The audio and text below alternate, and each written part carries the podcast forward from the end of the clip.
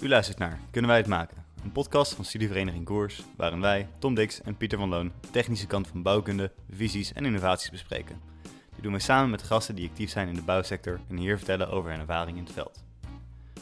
Bouwen of verbouwen, het is de enige manier. Het lied wat regelmatig wordt gezongen door de studenten aan de TUE van de bouwkundefaculteit. Het verraadt al, wij bouwen hier graag. Wat het alleen niet vertelt, is dat er ook met bouwen veel nagedacht kan worden over hoe je bouwt en waarom. Welke invloeden hebben bijvoorbeeld de materiaalkeuzes? Op de universiteit is er een team ontwikkeld dat zich 24-7 bezighoudt met dit soort vragen. Zij hebben zichzelf het ultieme doel gesteld in de wereld van duurzaam bouwen: het maken van een huis met een minimale milieu-impact. Dat doen zij onder de noemer Virtue. Vandaag, in tegenstelling tot andere keren, beginnen we even net iets anders en starten we met een tour van het huis.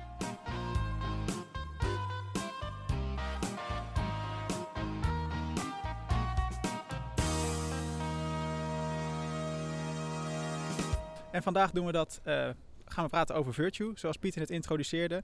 En zoals Pieter ook zei, we doen het even anders dan normaal. Superleuk, we houden wel van experimenteren. We staan dus buiten met de microfoon in onze hand, ver buiten onze comfortzone. Um, maar we gaan vandaag, zoals gebruikelijk, dat dan weer wel, met gasten praten. Twee gasten in dit geval van Virtue. Um, ik zal ze even kort introduceren. Dat zijn namelijk uh, Pim van Rijsbergen en Bowie Steutel.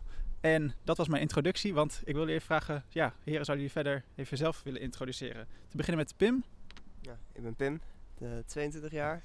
En uh, ik zit nu iets meer dan een jaar bij Virtue, denk ik. Ik doe nu een master uh, uh, Construction Management.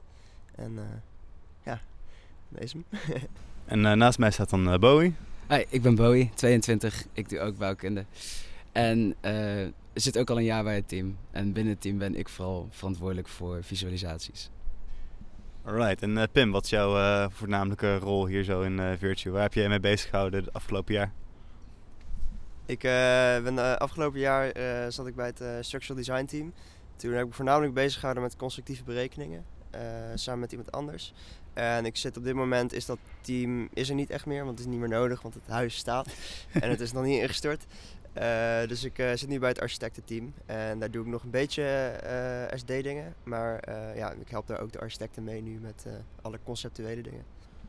Oké, okay, heel cool. Nou, we staan nu dus voor het gebouw. Ehm, misschien even eerste beschrijving van wat zijn de belangrijkste elementen die we hier kunnen zien aan de gevel? ja. ja, het is natuurlijk vooral het, het, meest prominent in, in onze gevel zijn de zonnepanelen die aan de, zijk, die aan de bovenkant zitten. En het hout.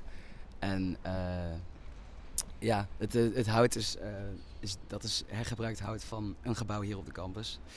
En uh, ja, de zonnepanelen zijn natuurlijk voor het opwekken van energie. Want we proberen zo'n energie-neutraal mogelijk huis te hebben. En de zonnepanelen, dat zijn dan die, die rechte platen die je hierboven ziet. Ze zijn anders gekleurd dan ik gewend ben. Ze zijn een beetje bruin, hebben een beetje honingraadstructuur. speciale keuze daarvoor? ja, dat is ook gewoon zodat het er daadwerkelijk mooi uitziet. Want we willen ook gewoon laten zien dat een duurzaam huis niet per se uh, heel lelijk hoeft te zijn, maar dat het ook gewoon een, een mooi huis kan zijn. Het is niet alleen voor uh, geitenwolle sokkenliefhebbers die uh, een eigen strobouw willen bouwen. Precies, ja. Wat wel vet is trouwens, nog ja, om erbij te vermelden bij de zonnepanelen, is dat ja, je ziet ook sowieso aan de gevel dat het huis niet helemaal recht is, maar het heeft een beetje een golvende vorm. Uh, dat komt dus van, uh, ja, noemen het een tessellation. Dus dat is een soort verdraaiing.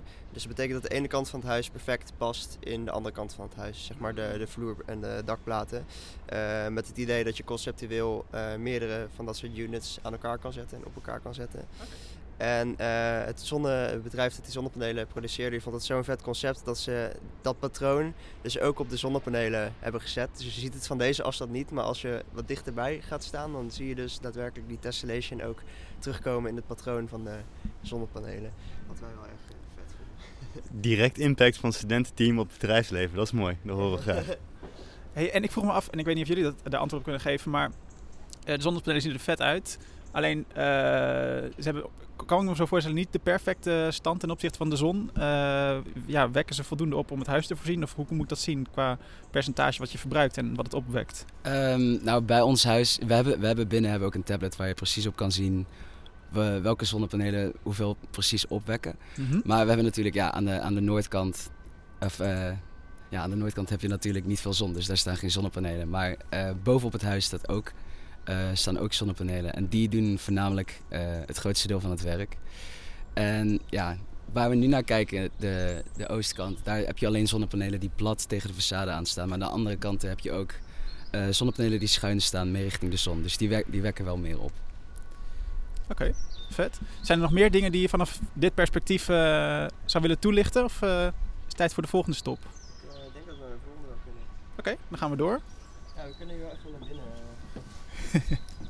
We hebben wel rekening gehouden met alle deuren. Die staan dus precies zo geplaatst. Oh ja. Zo'n tour kan geven.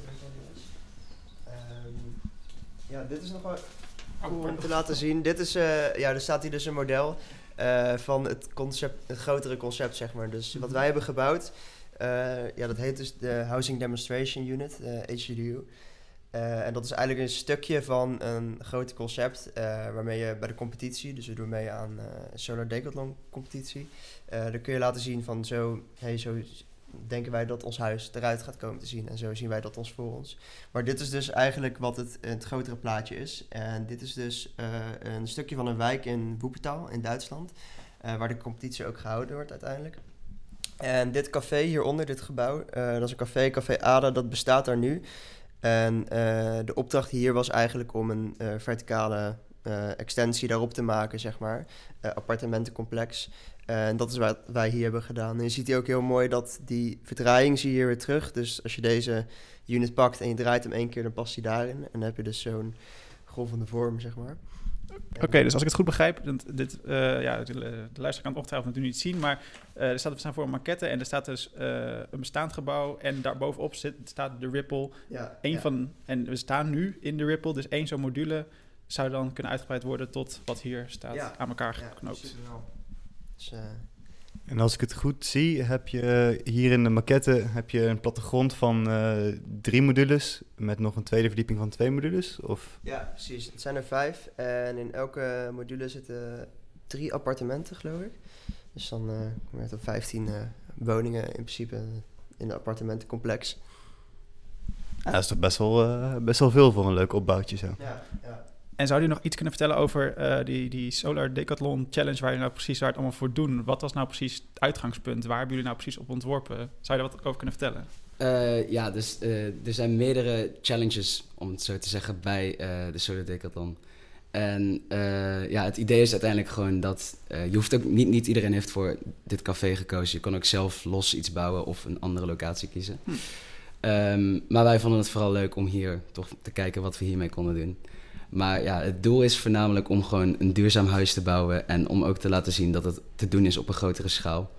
Dus eh, daarom ook eh, ons, ons, ons motto Spread the Ripple. Dus wij willen laten zien dat je met eh, dit concept, dat je dat daadwerkelijk ook op andere plekken toe kan passen. Dus dat, dat het allemaal niet per se in kleine hokjes hoeft te denken en dat het ook echt op een grotere schaal uit te voeren is dan alleen dit café.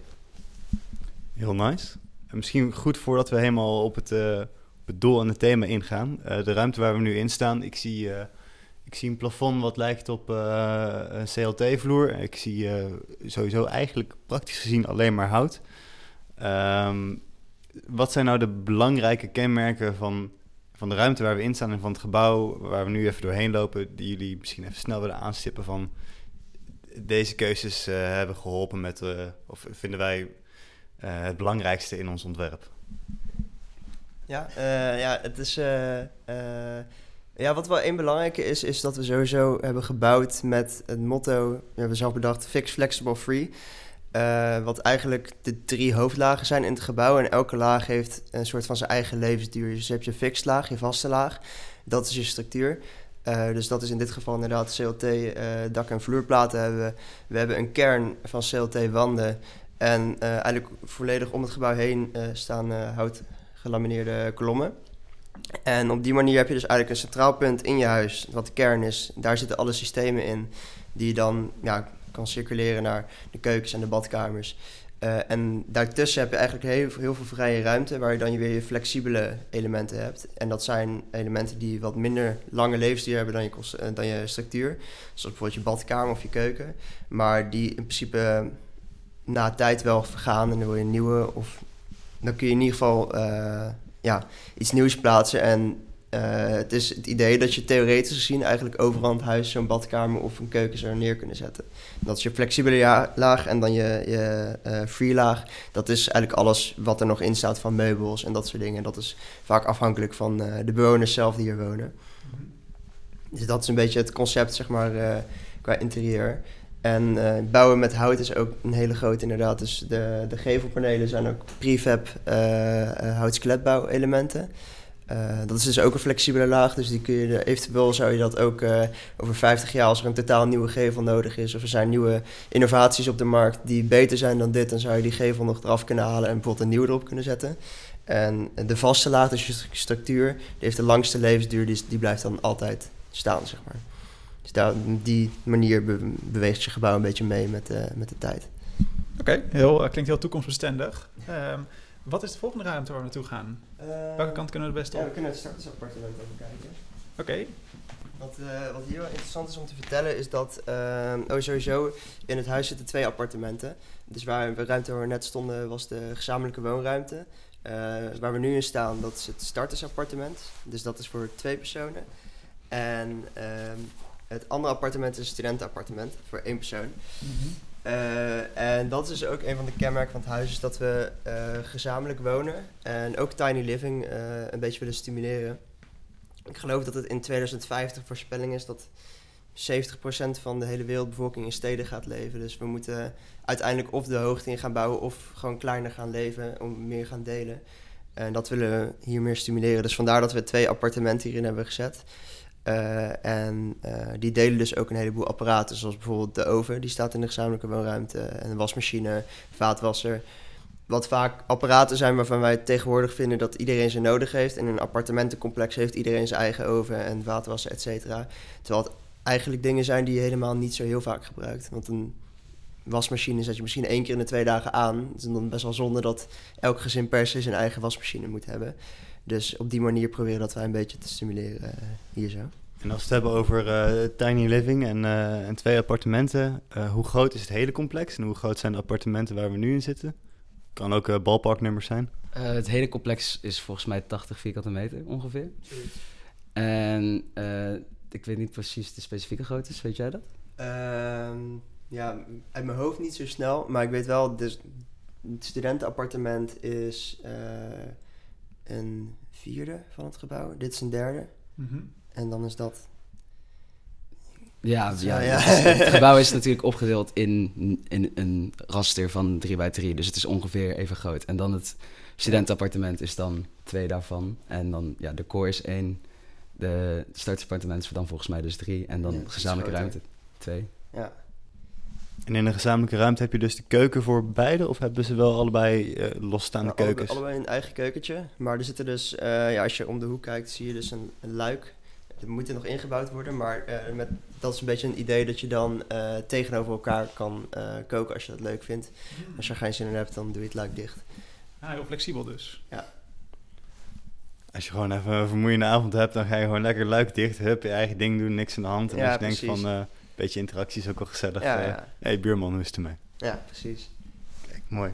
En we staan hier ook naast een tamelijk indrukwekkende eh, installatiekast. Ehm, wat zijn de highlights? ja, goede vraag. Ja, ik weet ze wel te benoemen, denk ik. Eh, ja, dus dit is de, de kern. Dat is wel een mooi ding. Dat hele grote koelkastachtige ding dat je ziet, dat is de warmtepomp. Eh, dus die is aangesloten op een zonnecollector op het dak. Eh, dus die verwarmt, die warmt water op. En de warmtepomp wordt gebruikt voor eh, het vloerverwarmingssysteem. Dat zit erin. Die unit erachter met al die buizen, dat is de ventilatieunit. En dan links in de hoek zit een boiler.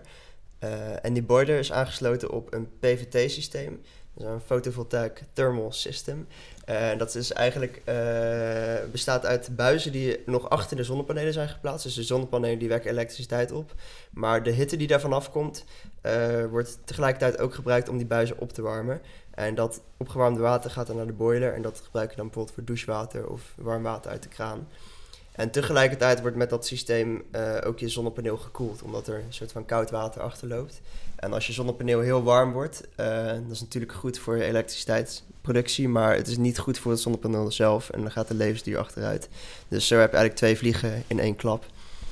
Maar dat is een losstaand systeem van de warmtepomp? Of zit, ja, die wel dat is een losstaand systeem inderdaad. De warmtepomp die is op de zonnecollector. En die is, de warmtepomp is echt puur voor de, voor de verwarming van het huis en dan heb je de... Ja. Oké, grappig. Dat is twee, uh, twee losse onderdelen, maar dan kunnen ze allebei extra efficiënt zijn. Of. Ja, precies. Uh, nice. En ik zie hier ook nog, uh, wat is wel mooi, want er ligt, de vloer waar we hier op staan in de woonkamer, uh, staat, zit niet in de, uh, in de installatieruimte, maar dat geeft wel mooi de gelegenheid dat je ziet waar we in principe op staan. Ik zie een houten vloer en dan nog een isolatielaag. kun je iets vertellen over de vloeropbouw? Oh, misschien kunnen we dat beter bij de andere ruimte kijken, want daar hebben we een, ja, een sectie. Is ja. Systeem. Oké, okay, dus top. We kunnen daar naartoe lopen. Doen we dat? Nou, lead the way. Ja, leid ons. Ah. Ja, de, uh, ja, de isolatie van de vloer die zit er dus onder. Dus uh, waar we nu op staan is in principe wel echt het CLT zelf. En daaronder zit nog waterkerende laag isolatie, et cetera. Mhm. En uh, wat er op het CLT ligt is dit eigenlijk. Wat en is dit? Dit, is, dit is het vloerverwarmingssysteem. Normaal gesproken wordt dit, zie je dit heel vaak in beton en wordt het gewoon erin ja, gelegd, maar dan is het niet uh, demountable, afbreekbaar. En deze is dat wel, want we maken dus gebruik van dit zachte houtmateriaal, waarin eigenlijk groeven zijn gemaakt voor buizen, waardoor warm water loopt. Mm -hmm. Die buizen, daar komt dus water van de, zon, van de, van de warmtepomp komt erin. Ja.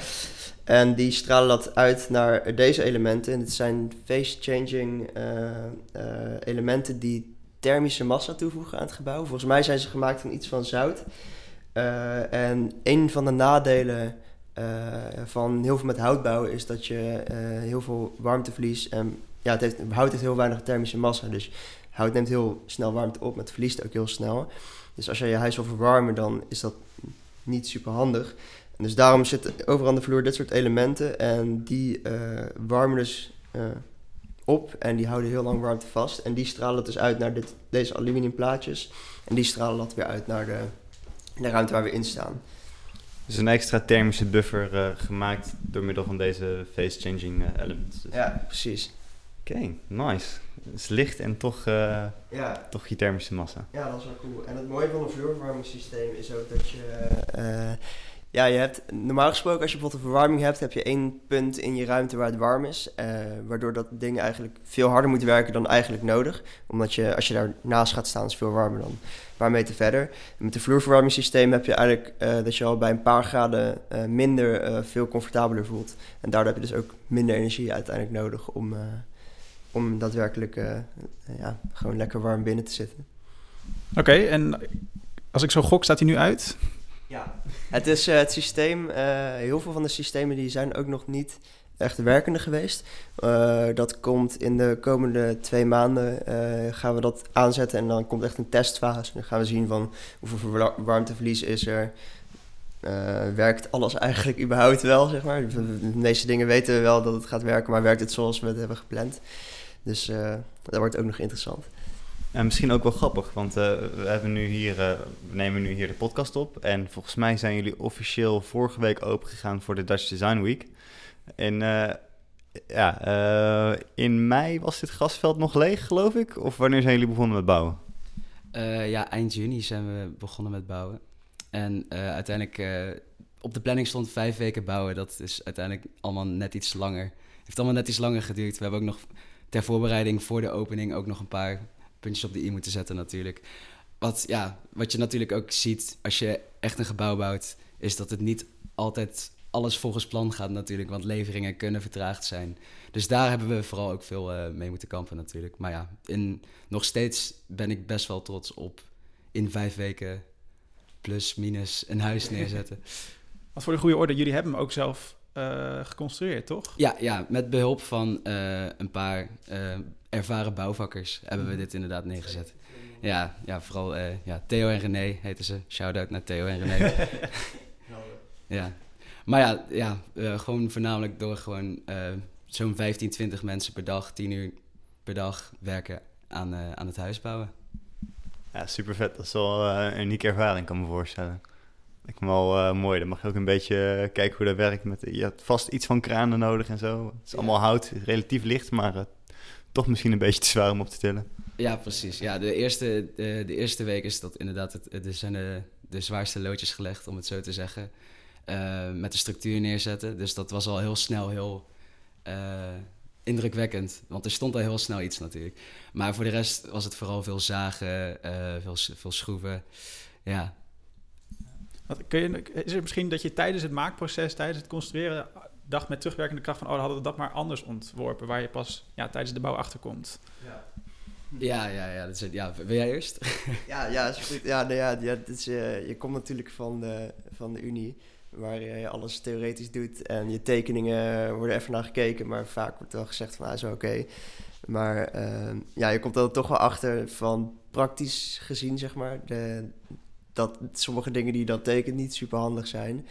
Eh, maar daarvoor heb je wel de bouwvakkers. Dus ik had bijvoorbeeld een keer een, eh, een plan gemaakt van... eh, we hebben een waterlaag op het dak zitten... met allemaal kratten daaronder. Die had ik allemaal mooi gepositioneerd... zodat je zo min mogelijk materiaal nodig had. Maar toen was die bouwvakker, keek er even naar... en die zei van ja, maar nu heb je echt... drie dagen aan zaagwerk nodig om dit allemaal voor elkaar te krijgen. Als je het op deze manier doet, dan ben je binnen een halve dag klaar. Eh, en toen hebben we dat ook gedaan en dat werkt natuurlijk veel makkelijker. Maar dan weet je wel voor de volgende keer van, ah, toch even die, die praktische link leggen. Dat, dat helpt wel veel met eh, uiteindelijk sneller op de bouwplaats ook eh, iets goed doen. En je zei van, ik deed het om zo min mogelijk materiaal te gebruiken in je initiële ontwerp. Kostte dan daardoor die andere, ja, het andere alternatief meer materiaal? Nou, uiteindelijk viel het dus best wel mee. dus, Oké, ja. nice. En voor jou? Ja, het, voor mij ik, waren er ook heel veel dingen die eh, op papier wel zouden werken en dan in praktijk niet. Of waar gewoon net niet diep genoeg naar was gekeken. Zoals eh, schroeven die niet eh, geschroefd konden worden omdat je er gewoon niet bij kon met de boor. Of connecties die dan gewoon niet stevig genoeg waren. Er was bijvoorbeeld een connectie boven bij de extensie tegen een, zeg maar een houten flexboardplaat aan, wat natuurlijk helemaal niet stabiel is. Dus daar moest ook weer een, ter plekke iets nieuws voor worden ontworpen. Dus het is niet alsof we na het ontwerpen eh, en tijdens het bouwen klaar waren met ontwerpen. We hebben nog steeds ter plekke nieuwe oplossingen moeten bedenken natuurlijk. Maar voornamelijk kleine dingetjes, van dat je toch wel even het schroefje erin krijgt. En, eh, Ja, ja, ja. ja. ja voor het grootste deel was het allemaal gelukkig wel eh, goed uitgewerkt.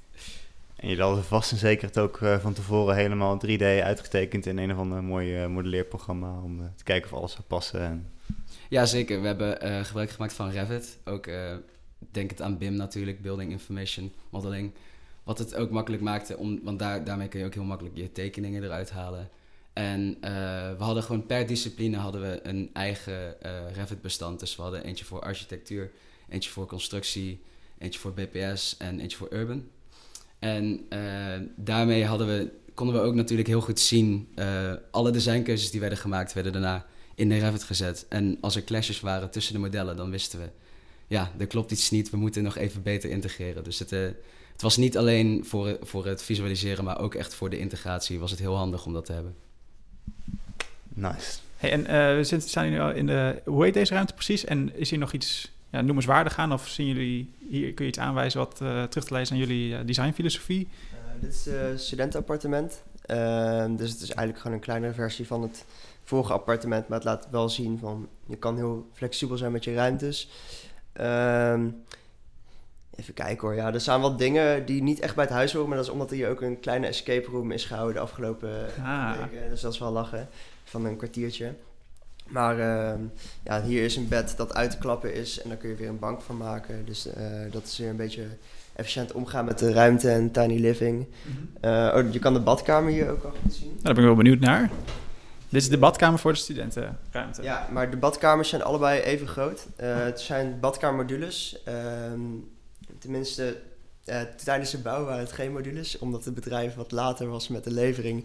Dus die hebben de modules hier in elkaar gezet met het idee van straks als ze weer in boektaal gaan bouwen, dan is het wel echt een module. Eh, maar die zijn even groot.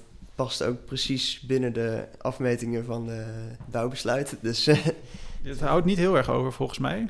Nee, maar het is wel, eh, alles zit erin en eh, je kan nog steeds staan. Dus, eh, dat is goed. Want ik, ik, ik zie een, een toilet, een eh gootsteen en een douche. En meer. Ja, meer heeft ze niet nodig. De essentie. Oké. ehm, Ik denk- denk dat het wel eh zo tamelijk de tour was. Lijkt me een goed idee om nu rustig te gaan zitten en eh, het even meer te hebben over, eh, over de Solar Decathlon en eh, Ja. het hele proces van het huis ontwerpen. Ja, Dan eh, hoort de gast ons zo weer terug. En dan eh, zijn we ondertussen aangeschoven aan tafel eh, met Pim en Bowie. En om toch maar weer de tradities in stand te houden, gaan we nu meteen door naar het vragenvuur. Onze gasten krijgen altijd een vijftal stellingen voorgeschoteld. Soms een beetje lomp, soms iets minder serieus. Maar de bedoeling is dat jullie lekker snel antwoord geven. En dan hebben we meteen ook wat leuks om over terug te praten. En dan kunnen we het altijd nog nuanceren af en toe. Mhm. Eh, met z'n tweeën is altijd een beetje uitdagend, maar ik denk ook, eh, we komen er vast wel uit. Volgens mij zijn jullie goed op elkaar ingespeeld. Ja, komt wel goed. Ja. Dus eh, eerste vraag, lijkt me een inkoppertje. Dit is een huis waar ik graag in zou willen wonen. Ja, Ja. Nice. Het huis is 100% duurzaam. Dat kan niet beter. Beter dan 100% kan sowieso niet. maar is het dus 100% duurzaam? Ehm, ja, nou ja, er zit wel wat aluminium in. Oké. dus dat is niet heel duurzaam. Maar eh, eh, we hebben zoveel mogelijk ons best gedaan om het eh, zo duurzaam te krijgen. Kleine twijfel, maar oké, heel goed. Ehm, de staal- en betonlobby houdt innovatie en andere materialen tegen. ja. Ja. ja. Oké, nee. Spicy, lekker. Eh, Oké, het, het werk eh, aan dit project is veel leuker dan werken aan vakgerelateerde projecten. Ja, Ja, sowieso. 100%. Kijk. Dit huis moet een voorbeeld worden voor alle huisbouw in Nederland. Nou, niet alleen alles. Nederland. Kijk, heel goed. De wereld, jongen. Nice, Eh, ambities dus. Ehm, wat mij wel leuk lijkt, is inderdaad eerst eh, die, die, die vierde stelling die ik net eh, vertelde over werken aan dit project is veel leuker dan een, nou ja, een normaal vakgerelateerd project. Ja, hoe, hoe, hoe verschilt het eigenlijk tussen een normaal fictief project wat je dus ja, waarschijnlijk nooit uitwerkt en dit? Ja, ik, ik denk vooral gewoon de... Ik, ik heb het idee dat je met, met projecten eh, bij bouwkunde vooral zeg maar de, de booksmarts meekrijgt. Dus eh, ja, meer de, de, de, de, theoret, de theoretische deel. En ehm, ook omdat het een project maar hooguit twee, twee kwartieren duurt, ehm, heb je niet echt de tijd om echt eh, een structuur of een gebouw te realiseren, maar vooral eh, heel veel dingen verwaarlozen die in praktijk toch wel stiekem belangrijk zijn. Mhm. Zoals bijvoorbeeld de luchtdichtheid van een huis, waar dan net niet goed naar wordt gekeken. Ja. En ik denk ehm, dat zo'n project als deze daarom veel leuker is, omdat je ook echt die integratiedingetjes en al die kleine details echt goed, goed kan realiseren. Mhm. En even misschien voor context, ook voor onze luisteraar die niet per se in Eindhoven studeert of heeft gestudeerd. Een standaard project bij ons is eh 10 studiepunten, dus dat komt overeen met eh, een kleine 300 uur aan werk. Ja. Kunnen jullie een schatting geven van hoeveel uren jullie hierin hebben gestoken het afgelopen jaar? Eh, Goeie vraag. ja. Ja, wij zijn in principe parttimers. Je kan kiezen of je parttime of fulltime bent. Een parttime is dan 12 uur per week. Fulltime is 20 uur. Maar wij als parttimer zitten wel altijd wel dik over de 12 uur, zeg maar. Maar eh, ja, een schatting als in totaal Ik denk zo'n 700, 800 uur misschien dan. voor het hele team of per, per persoon? Per persoon. Per persoon. Ja. Ja, dat zijn wel flink wat ik denk wel meer. tijd in ieder Met, geval. het, met het bouwen erbij, want Ja. dan ben je eigenlijk gewoon al vijf weken fulltime van 6 uur s ochtends tot eh 6 uur s avonds al bijna bezig met ervoor werken. Dus ja, de schatting wordt echt wel best wel groot. eh, Ja. Ja. Flink meer dan de, de 300 uur. van Een lekker intensief project. Ja. Ja. Ja, En dat is cool. toch wel interessant, want wat Pieter net zei inderdaad, dan krijg je dan eh, voor een project krijg je dan studiepunten, heel handig, want zonder studiepunten geen diploma. Eh, dit is gewoon puur eh, echt intrinsieke motivatie, dit doe je omdat je het leuk vindt, want ze zitten geen studiepunten verder aan verbonden. Nee, er zijn wel ja, petities gaande en dingen om studententeams wat meer daarin te compenseren. Maar in principe is, doe je het gewoon omdat je het leuk Ja. vindt en omdat het gewoon vet is. En hoe, zijn de, want hoe is de relatie tussen Virtue en de, de faculteit bouwkunde? Dus hoe steunen ze elkaar en ja, hoe is die band? Ehm, ja, we krijgen natuurlijk ook sponsoring van de Unie. Mhm. En eh, ja, heel veel. We mogen ook wel gewoon natuurlijk in eh, gebruik maken van de, van de faciliteiten van, van, eh, van de Unie. Nou ja, we staan natuurlijk hier ook op de campus, dus dat is al heel wat. Ja. Oké. En hebben jullie vaste begeleiding van een paar docenten of zoiets? Of moet je dat allemaal lekker maar zelf gaan hosselen? Ja, dat was voornamelijk in het begin. Ehm, dus daar zijn wij niet bij geweest, omdat wij een jaar geleden pas erbij zijn geweest. Maar toen echt in de, in de eerste conceptfase eh, hadden we wel per subteam, dus voor de architecten en eh, voor uh, structureel ontwerp, hadden we wel een docent of een, of een professor die dan, die dan daarin begeleidde en tips gaf. En dan misschien ook weer even goed als je het hebt over de conceptuele fase. Um, zoals we al bij de rondleiding hadden ge, gehoord, dit, dit ontwerp, dit project is voor de Solar Decathlon. Uh, hoe vaak vindt die plaats? Hoe lang heb je de tijd als Team Virtue om, uh, om een huis te realiseren? Normaal gesproken was dit twee jaar volgens mij, toch? Ja. Ja, dus de, wij zijn Team Virtue 2. Dus uh, er was, de vorige competitie was in Dubai. Ja. En daar hadden ze twee jaar. Maar wegens corona hebben we nu een extra jaar gekregen. Wat ook, ons ook de kans heeft gegeven om het design nog een extra iteratie te geven, om het zo te noemen. Ja, oké. Dus het is een, een tweejaarlijks event, normaal gesproken. Ja. In principe. En jullie hebben dus in, in jaar twee, of drie in dit geval, uh, pas meegedraaid. En dan was meer de uitwerking van uh, de realisatie dan? Of? Nou, we zijn eigenlijk wel op een goed moment gejoind. Uh, want toen wij er kwamen was het ontwerp eigenlijk totaal anders dan dat het nu is. Um, dus er was nog steeds wel die tessellation, die verdraaiing en zo. Maar het, het het kwam allemaal net niet lekker uit met andere disciplines. En architectuurteam had best wel de overhand. En um, toen waren we op een gegeven moment bij elkaar gaan zitten en hadden dat besproken. Van ja, er zijn gewoon te veel problemen met het ontwerp voor alle subteams. We moeten die integratie verbeteren. Dus toen hebben we gezegd van oké, we, gaan, we gaan onszelf twee maanden geven om het design helemaal opnieuw te doen. Zeg maar wel met de originele concepten, maar wel opnieuw te ontwerpen. Toen hebben we echt gewoon hele zaterdagen en weekenden met z'n allen met matchdays bij elkaar gezeten om, om die integratie tussen subteams te verbeteren. En daar zijn wij dus ook nog bezig geweest. Dus toen hm. hebben we ook een beetje invloed daarin gehad. En toen is dit concept uitgekomen. Ook iets wat je volgens mij niet bij elke vakproject uh, tegenkomt, uh, matchdays op de Unie zelf. Dus uh, dat leer je dan ook wel uh, anders. Ja. Wat je anders nooit had uh, geleerd. En dit is een wereldwijde competitie, neem ik aan, in principe. Kan... Ja, ja, het heet Solar Decathlon Europa. Maar het is wel wereldwijd, om mm -hmm. een of andere reden. Maar er doen 18 teams aan mee. en ook een team uit Thailand dan bijvoorbeeld. Dus okay. best, wel, best wel vet. En jullie gaan ook mee naar Duitsland? Of, Ja, ja, zeker. Dat was een enthousiastje voor uitgetrokken. Zo, en het idee is gewoon, want jullie hebben hem hier in principe op de Universiteit Eindhoven campus opgebouwd. Dan gaat hij hier, wordt hij helemaal ontmanteld en daar weer opnieuw opgebouwd. Ja, het, het idee van, van hier bouwen op de campus is dat het vooral ook als uh, een testbouw uh, gezien kan worden. Dus hierna gaan we het gebouw nog uh, optimizen. En gaan we nog kijken of onze berekeningen voor bijvoorbeeld de, de stroomopbrengst daadwerkelijk kloppen. En ja, en daarna kunnen we dus met wat we daarvan hebben geleerd, kunnen we het, het weer uit elkaar halen en eventueel verbeteren en dan op de competitie opbouwen. Dat is meteen een goede test voor het concept van uh, de verschillende lagen. Of ja. ze inderdaad een beetje demontabel zijn allemaal. Ja, precies, ja. precies. En we stonden net bij een maquette waar die dan fictief uh, op een bestaand gebouw werd geplaatst. Gaat die ook daadwerkelijk dit gebouw op dat gebouw geplaatst worden?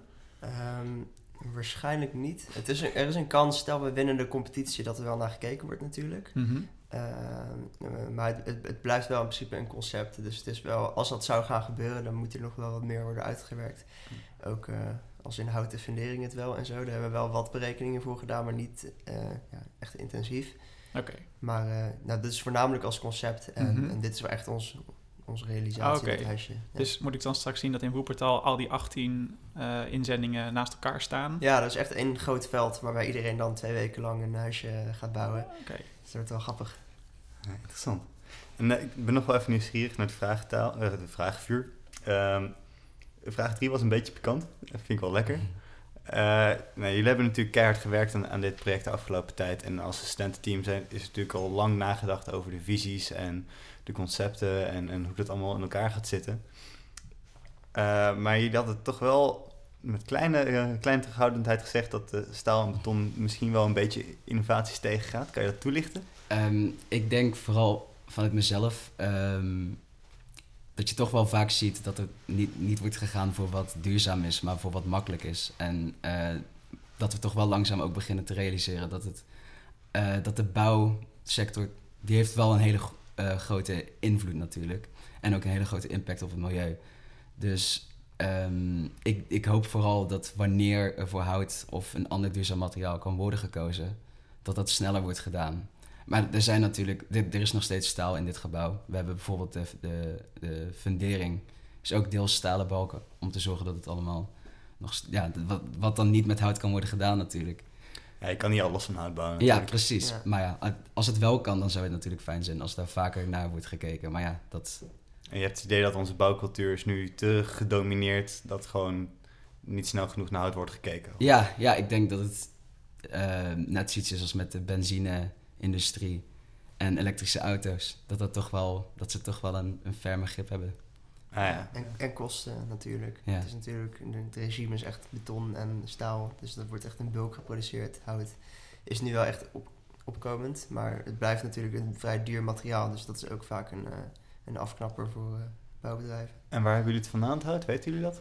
Eh, ja, eh, het CLT komt van een bedrijf genaamd Ecoflin. En die koopt eh, het CLT van Binderholz, geloof ik. En dat is een, ja, een houtbedrijf die heeft allemaal van die... Ik weet niet precies hoe het heet, maar van die gecertificeerde bossen die echt speciaal zijn geplant voor de, Hm. de bouwwereld. Ja, duurzame houtkap. Duurzame hout, ja, precies. Eh, die zitten over de hele wereld, zit ook in Canada en in Europa. Volgens mij komt dit hout of uit Scandinavië of uit Oostenrijk. Ik weet niet precies waarvan. Maar eh, ja, daar vandaan. En dan een deel van het hout, van, eh, niet van de, van de constructie, maar van de, van de fundering. Eh, sorry, van de, eh, van de kledding. Mhm. eh, komt van paviljoen af. En we hebben gewoon heel veel gebruikt, gebruikte bouwmaterialen gekregen om dat dan weer een nieuw leven te geven in ons gebouw. En eh, hoe zijn jullie eh daar aangekomen? Want het- ik moet zeggen, ik ben heel erg blij dat dat gebouw weg is. Het was, eh, ja, voor de mensen die hier niet hebben gestudeerd, het was als tijdelijke bouw in de jaren 50 gebouwd of zoiets. Voor tien jaar. En nou, ik heb er ongeveer de helft van mijn tentamens in mogen maken. ja. Echt een genot. Ehm, maar jullie mochten wel lekker leegtrekken en alles moois gebruiken wat je kon vinden? Of? Ja, er, was, er is een bedrijf ge- genaamd Gebruikte Bouwmaterialen. Eh, en die, heeft dus, eh, die koopt dus van eh, dat soort gesloten bedrijven, koopt die alle, al het materiaal dat nog herbruikbaar is, koopt dat in. En ja, die knapt het een beetje op en verkoopt dat weer door aan bouwbedrijven. En wij zijn eigenlijk via dat bedrijf daarbij gekomen. Dus wij wisten niet dat zij het van paviljoen hadden eerst. En toen we dat zagen, we dachten echt van ja, dit Perfect. moeten we gewoon doen, weet je wel. Dat het komt echt een stukje van de campus. Ook al was het zo'n eh, zo'n verschrikkelijk gebouw, komt het alsnog terug in het gebouw en dan kan er toch nog iets moois mee worden gedaan. Dus het zit ook niet alleen op de façade, maar ook, eh, ook als, als eh, onderstructuur van de platform op het dak, maar ook om het gebouw, gebouw heen. Zijn allemaal balken van, van paviljoen ook, die thermisch bewerkt zijn. Oké, nice. Dus die, die kunnen wel een beetje beter tegen, tegen de vochtfluctuaties. En, Ja. eh, en jullie hadden het ook al eh, tijdens de rondleiding even over het dak. Eh vind ik ook wel leuk om te horen, want het was, eh was er deels een groen dak wat jij eh, voor grotendeels voor je rekening had genomen, Pim. Ja, ja, klopt. Ik eh, heb daar ook aan meegewerkt. Ja, het, het mooie van eh, is dat we zoveel zonnepanelen op de eh, gevel hebben, is dat je daarmee ook heel veel ruimte weer creëert op je dak. Want vaak zie je dat de daken helemaal vol liggen.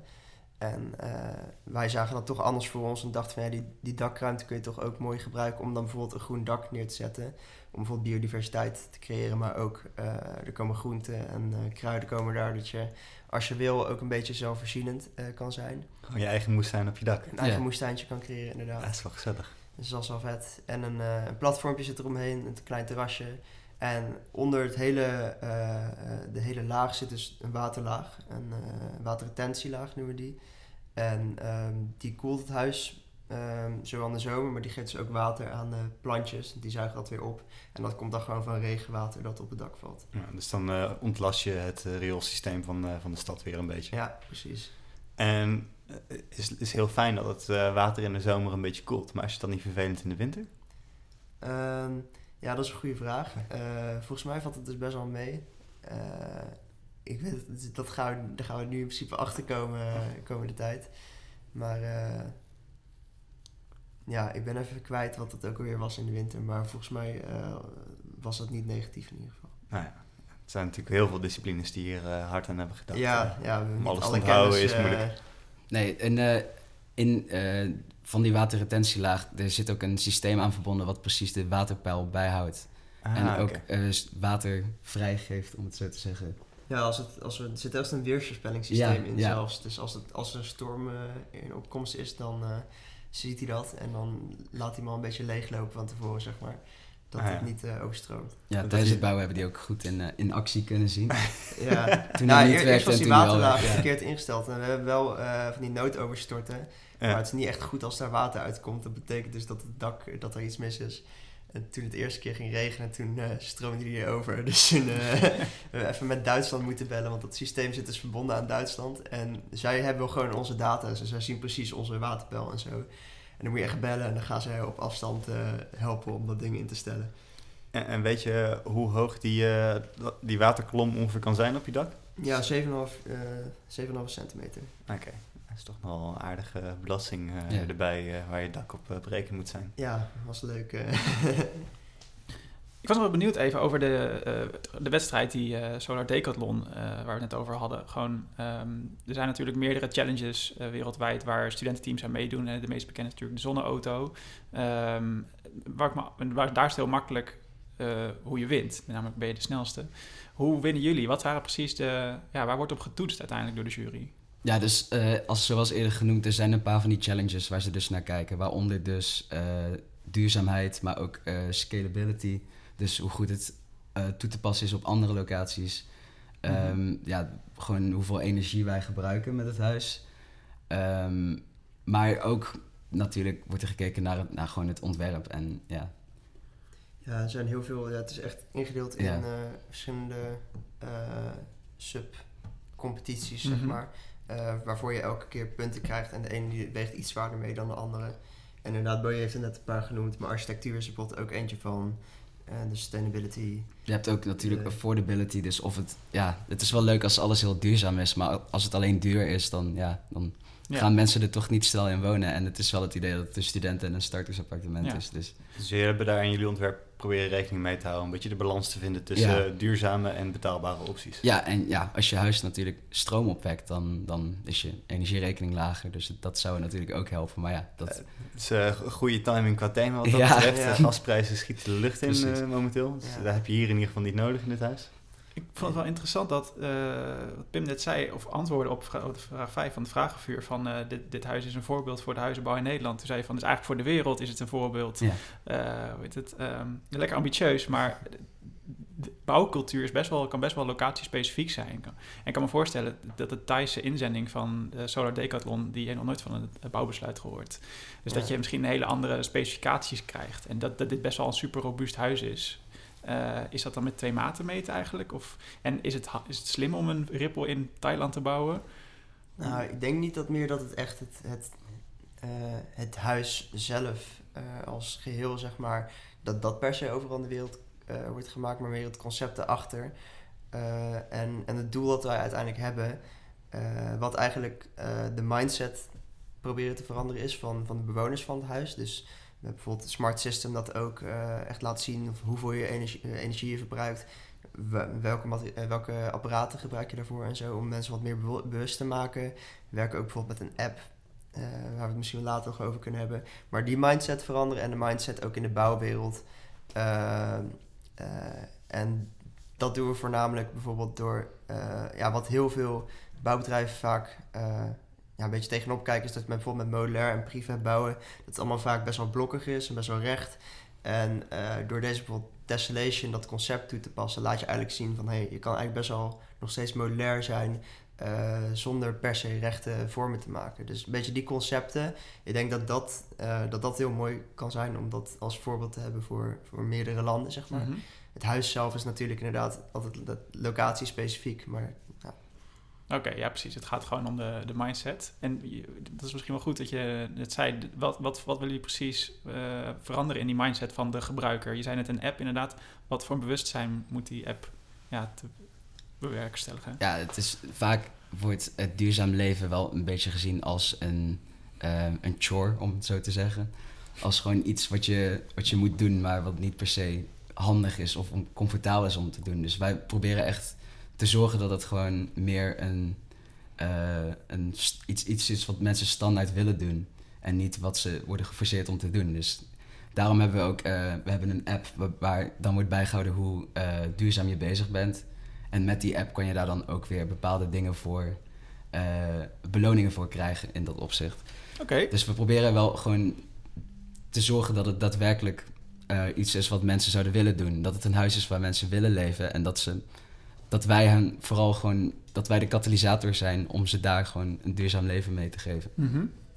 Nice. En eh, ja, qua, qua duurzaamheid, die app monitort hij dan eigenlijk alleen het energieverbruik of kijkt hij ook nog naar de nevenactiviteit? Dus het, is mij opgevallen eh, hier op de universiteit, afhankelijk van welk vak je volgt en welke docent je hebt, heeft duurzaamheid een honderd Ja. eh, en duizend en één Ja. betekenissen. Ja. En soms is, gaat het zover als ehm rolstoeltoegankelijkheid en eh, sociale inclusie en eh, ehm, nou, dat soort dingen. Dus die, die app, wat, eh, wat doet die wel, wat doet die niet? Grofweg. Ja, de, ik denk dat jij daar het best over kan vertellen, want jij hebt de renders daarvoor gemaakt voor Ja. Ecotopia. Ja het, is, ja, het is natuurlijk ook niet alleen de app. We hebben natuurlijk ook ehm, het interface eh Equi, wat door een van onze virtual collega's is gemaakt. En daar, eh, daar, dat is vooral, daar kun je zien eh, wat, wat je energieverbruik is, ehm, wat, hoe, hoe de batterij, wat de batterijpercentage is van het huis zelf. En eh, daar, eh, daarmee wordt ook bijvoorbeeld eh, gekeken naar wat het beste moment is om de wasmachine aan te zetten of de, of de vaatwasser Mhm. om zo het meest efficiënt het huis te, te runnen. En de app is meer als direct gevolg van hoe duurzaam je bezig bent, krijg je in de app krijg je recap heet de, app en dan krijg je daar krijg je, krijg je hoe heet het ook weer? Ekkies. Ah ja, Ekkies. Ja. Ja, dus je krijgt daar eh, virtueel geld en daarmee kan je dan eh, een wereld die je hebt, bijvoorbeeld de Noordpool of ergens in, de, in, de, in het regenwoud, kan je daar, afhankelijk van hoe duurzaam je bent, kan je daar de app vullen met dieren of planten die daar in dat klimaat wonen, om een beetje aan te geven van dit is wat je, eh, wat je eigenlijk in het doen, aan het doen bent door duurzaam te leven. Dus je krijgt een minigame bij het huis Ja. erbij. Ja. Dus als je het eh, slecht doet, dan eh, is het helemaal dood en dan heb je helemaal niks daar. eh, je- Ja, en om het Extra hard op het schuldgevoel. Ja. En, eh, En om het een beetje competitief te houden, kan je ook bij andere gebruikers kijken Ja. hoe hun wereld eruit ziet. Gamification. Hij Maar- komt ook echt op de, op de App Store en zo, geloof ik, als hij echt ontwikkeld Ja. is. Dus Ah, ook een idee om dat als hele team te gaan gebruiken en dan een beetje te zien van elkaar van eh, hoe doen we het eigenlijk zelf. eh, maar kan je dan bijvoorbeeld ook loggen van... hé, hey, ik ga vandaag lekker eh, moestuinen en ik heb deze planten eh, geplant of geoogst? Of eh, blijft het toch bij de energieverbruik? en, ja, maar en- momenteel nog niet heel erg uitgebreid, maar dat zou natuurlijk altijd nog kunnen. Je krijgt wel challenges. Ja. Ja, je krijgt wel dagelijks challenges van eh, proberen met je fiets naar je werk te gaan. Of Ja. eh, Ah, ja. ik, eh, koop één dag alleen maar lokale producten of dat soort dingen. En dan eh, kun je besluiten om dat wel of niet te doen. Ah ja, dus wat dat betreft word je wel aangemoedigd om nog meer te doen. Ja. Ja.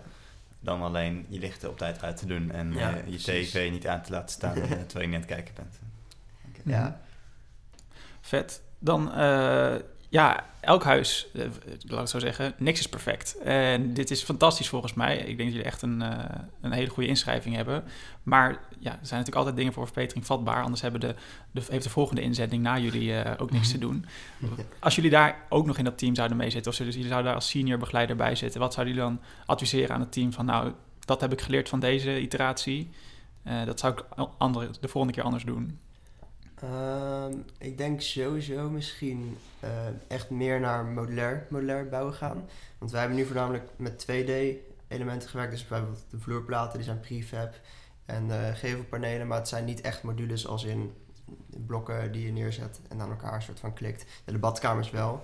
Dat was eigenlijk wel eerst het idee dat we wilden doen. Eh, maar dat is toch best wel lastig uiteindelijk, omdat je heel veel met transport zit en maximale afmetingen. Maar uiteindelijk vond ik dat wel jammer dat we dat niet hebben bereikt. Want het was natuurlijk mooi geweest voor een concept dat je echt blokken hebt. eh, waarmee je kan laten zien van je kan echt daadwerkelijk zo'n tessellation maken met bijvoorbeeld mo- eh, 3D-modules. Dus dat is één ding waarvan ik zou zeggen van Want het is niet dat als dit huis nu geassembleerd is, dat je hem zeg maar op een kleine ehm, werkplaats op de bouwplaats een hele module kan bouwen en die dan bij de andere modules zou kunnen zetten. nee, je moet wel echt de façadepanelen eraf halen en dan de, de vloerplaten eraf en de kolommen. En dan, het, is, het bestaat allemaal wel uit weer losse elementen die wel echt wel uit meerdere lagen al bestaan, maar het is niet echt één. Het zijn niet echt units. Oké. Ja. Waar ik me trouwens, eh, wat mij heel erg opvalt en wat ik wel eh, interessant vind. Ja, we hebben hier dus eh, een tamelijk stevige kern staan met de installaties. En we hebben al gehoord dat het concept van dit gebouw is dat het groter moet kunnen zijn dan het is. Ehm, maar voor mijn gevoel is het een best wel grote kern van een heel klein huisje. Het is eh, vijf lagen van eh 40 mm CLT. Dus Ja. dat is 200 mm dikke wand. Ehm, had dat niet 100 kunnen zijn? Of 120? Of eh, is, Ja, ben ik nu heel, goeie- eh, heel goeie belangrijk gaat aan mieren neuken? Dan word ik aangekeken ja. En eh, nee, we hebben het wel. eh, hij had waarschijnlijk achteraf gezien dunner gekund. Eh, onze filosofie was: eh, de kolommen die zijn ongeveer 200 jaar 42 bij 240. En die vloerplaten zijn dan over de helft eh, opgesteund. Dus dat doen we ook bij de kern. En ook de dakplaten en de vloerplaten zijn ook allemaal 200 dik. Ze dachten voor consistentie is het handig om het allemaal eh, zo aan te houden. Eh, achteraf gezien had het misschien inderdaad wel wat dunner gekund. Maar het is nu, past nu wel perfect in ook de, de afmetingen van de kolommen en zo. Ah, Oké, dus voor de, voor de regelmaat en de repetitie is dat Ja, dan weer ja. En hebben jullie nog eh, te maken gehad met, eh, eh, met brandeisen en zo? Hebben jullie daar ook aan lopen rekenen? Ja, Ja. nou ja, de, dat hoefde dus uiteindelijk niet. Eh, we hebben daarmee met een brandexpert eh, gezeten. Eh, en daarmee hebben we echt heel bouwbesluit afgespit naar van... oké, wanneer moet je wel eh rekening houden met brand in constructief ontwerp. Maar ehm, het is echt lang geleden dat. Maar het, de conclusie was dat... Ja, omdat het, eh, volgens mij omdat het, eh, het lag er vooral aan of je het huis als één com- subcompartiment of als meerdere subcompartimenten Oh, ja, kon ja. rekenen. En omdat het zo klein is, eh, Het was één subcompartiment. Ja. Mhm. En als je één subcompartiment hebt door de grootte, ehm, hoef je alleen maar eh, hoef je dat niet op te nemen in je constructieve berekeningen, maar moet je alleen maar zorgen dat je, je nooduitgangen goed zijn, dat je rookmelders hebt en een brandblusser. ja. anders zouden bijvoorbeeld de deuren ook automatisch moeten kunnen sluiten. En dat is zelfs voor jullie grotere concept? Of... Het grotere concept eh, is dat anders, Ja. maar daar hoef je niet eh, eh, hele eh, ja, gedetailleerde berekeningen voor te doen. Oké. Ja, Ja. dat, Dus ja. het is- ja, ja, ja, Het blijft ingewikkeld natuurlijk, want je Ja. hebt een beetje twee ontwerpen die je tegelijkertijd aan het eh, realiseren bent. Je hebt de showcase model, eh, maar een groot deel van het showcase model is om te laten zien dat hij in een groter geheel past, lijkt me. Ja, ja, dat is ook wel. Is ook afgelopen jaar zijn we heel erg hiermee bezig geweest. Ja. Met, met dit realiseren en zorgen dat alle materialen er op tijd zijn. En we zijn eigenlijk nu weer een stapje terug gedaan om echt te kijken weer naar dat grote concept en dingen Ja. uit te werken waar we afgelopen jaar geen tijd voor hebben gehad. Dus inderdaad, brandveiligheid daarin eh, is inderdaad wel een goede om daar ook nog even goed naar Ja. te kijken. En er zijn, er zijn natuurlijk ook eh, eh, apparaten in het gebouw die je niet voor elk appartement of voor elke unit specifiek eentje Ja. nodig zou hebben natuurlijk. Dus niet elke technical core hoeft zo uitgebreid als degene die we hier hebben. Dus Nee. in het grotere, eh, in het grotere concept zou bijvoorbeeld zou de badkamer bijvoorbeeld in de core kunnen. En dan zou daar weer meer ruimte zijn. Hmm. Of bijvoorbeeld eh, de gezamenlijke ruimtes. eh, zouden meerdere gezamenlijke ruimtes in het midden zouden één, gezamenlijk, zou één gezamenlijke ruimte kunnen Ja. zijn. Ja, dat is het flexibele, Ja. modulaire. Je moet weer even. Ja. Je hebt de basis, je basisgrid eigenlijk, heb Ja. je hiermee bewezen. En dan eh, is het even kijken met eh, hoe het zit. Ja, voor precies. de- afhankelijk van de grootte van het gebouw, wat je, wat je wel en niet nog eh, erin wilt houden. Ik zie eh, van onze audiotechnische persoon dat wij eh, ook weer bijna aan het uur zitten en dat we moeten gaan afronden. Dus ik wil graag nog even zeker de vraag stellen voor beide ook eigenlijk van, eh, ja, wat zijn, heeft Veertje jullie gevormd en wat zijn jullie persoonlijke ambities als dit project afgerond is? Ja, ik, ja, ik denk het wel. Ik denk, dit is wel echt het leukste project waar ik aan heb gewerkt in, eh, in mijn leven. Tot nu toe. Denk ik, ja, dit is, het, het heeft echt heel veel toegevoegd. Zeker, want ik was eraan begonnen toen er echt lockdown was. Eh, en toen heeft dat juist heel erg geholpen om gewoon actief bezig te zijn. En eh, nu alles weer open gaat en ik echt mijn team kan zien, heeft het eigenlijk nog meer waarde, zeg maar. Eh, en ja, ik ben, ik ben achter best wel wat dingen erachter gekomen. Ik begon bij het SD-team en constructieve berekeningen gedaan. Eh, wat ik heel nice vond, maar ik kwam wel achter van... dit is toch niet helemaal discipline waar ik eh, echt in verder wil ontwikkelen. Eh, maar tijdens het bouwen bijvoorbeeld en ook... ja, gewoon bij de voorbereiding kwam ik wel achter het constructieproces... eh, en eh, die, eh, die aspecten van de bouw wel heel interessant vond. Mhm. Dus eh, toen heb ik uiteindelijk de keuze gemaakt om eh, construction management te doen als master in plaats van eh, structureel ontwerp wat ik eerst zou doen. Oh, dus grappig. wat dat betreft heeft het wel geholpen in mijn keuze daarin ook. Toen ben ik achtergekomen van, nou, ik vond dit eigenlijk toch... Ik vond eh SD ook heel leuk hoor. Niet om jullie Goed te beledigen, maar eh, dit, ja, het, het was toch net wat minder bij mij dan ik dacht. En voor jou, Bowie? Ja, voor mij eigenlijk een soortgelijk verhaal. Ehm, ik ben vooral bij Virtue gegaan omdat ik toch wel vaak merkte dat het precies die dingen zijn die, eh, die je niet be- bekijkt tijdens de studie. Die eruit worden gelaten, die ik toch wel heel interessant vind. Dus de, de, de, punt, de, kleine, de kleine dingetjes, de integratiedingetjes. Mhm. En daarom had ik ook, heb ik ook gemerkt dat ik inderdaad gewoon dat integratieproces, maar ook het kijken naar wat andere mensen aan het doen zijn en kijken en daar een second opinion op geven en daarmee het design verbeteren in plaats van de hele tijd in je eigen design, eh, of in je eigen eh, design loop te blijven zitten. Mhm. Ja, ik heb wel gemerkt dat ik dat ook heel interessant vind en daarom ook meer de construction management op kant, eh, kant op wil. Kijk. Het is een soort van eh Ja. mega stage geweest voor jullie om Ja, even ja, te kijken van wat het nou, eh, Mega stage. wat nou echt het allervetste is eh, voor jullie. Ja. Heel cool. Dus, en hoe graag willen jullie later ook... eh, hoe belangrijk is het voor jullie dat jullie later in jullie werk ook gewoon met modulaire houtbouw, dit soort duurzame projecten blijven werken? Of jullie het ook prima als we gewoon verder naar eh betonhoogbouw... eh Nou, wel, nou ja, de generatie van mijn ouders die zegt altijd dat wij de generatie zijn die een probleem moet oplossen. Oh ja, En nou, ik denk wel, zeg maar, als ik in de bouwwereld ga, dan wil ik ook wel in een richting gaan die toch wel helpt aan een wat betere wereld in ieder geval en daar in ieder geval naar streeft. Mhm. Dus eh, voor mij is dat wel belangrijk om daarmee bezig te zijn. Ja, ik denk wel dat als ik niet achter mijn eigen keuzes zou staan, dat ik ook niet eh, per se met plezier naar mijn werk zou gaan. Dus het, voor mij Ja. is het wel belangrijk om die, die doelen vast te houden. Kijk. En voordat het zover is, hoe, eh, hoe ver zitten jullie nu in de studie? Eerste jaar master, maar ik ga hem een beetje, eh, een beetje uitrekken. Ja, Een beetje uittrekken. Nog niet Ja. echt klaar om te werken, maar eh, Daar hebben wel meer mensen last van hoor. ja vierde kwartiel gaan we natuurlijk naar Duitsland met de, met de competitie. Dus Ah ja. ja, dat, eh, dat kwartiel is sowieso al gereserveerd Ja, voor precies. even... Ja. ja, ja, anders wordt het vier vakken per kwartier Ja. om dat in die twee jaar te proppen. Dus eh, dat wordt wel... eh, Niet leuk. Nee. Kijk, Ehm, dan misschien eh, de cliché afsluitende vraag. Normaal gesproken hebben we altijd eh, de vraag aan onze gasten of, eh, of ze nog advies hebben voor mensen die net gaan beginnen met werken. Maar aangezien jullie nog medestudenten zijn, ehm, misschien beter de vraag van eh, hebben jullie nog advies voor eh, wat je moet doen tijdens je studie? vooral plezier hebben.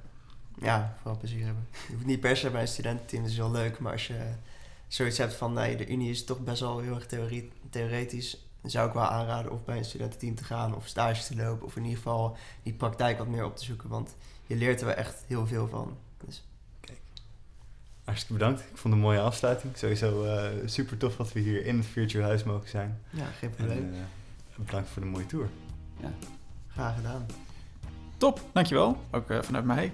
Eh, dat was hem dan weer. Eh, u luistert naar Kunnen we het maken? Gepresenteerd door mij, Tom Dix. En naast mij zit Pieter van Loon. En tot slot willen wij de commissie bedanken. Die heeft geholpen deze podcast te maken. En natuurlijk ook jij bedankt voor het luisteren. Ehm, wil je graag reageren op deze aflevering? Dat kan. Dat kun je dan mailen naar podcast.koerstheorie.nl of door ons te volgen op Instagram. Dat is dan weer @koersief. Recensies kun je plaatsen op iTunes. Eh, dit helpt anderen bij het vinden van de podcast en ons bij het verbeteren van de show. Over twee weken zijn we terug voor de volgende aflevering. Voor nu bedankt voor het luisteren en tot ziens.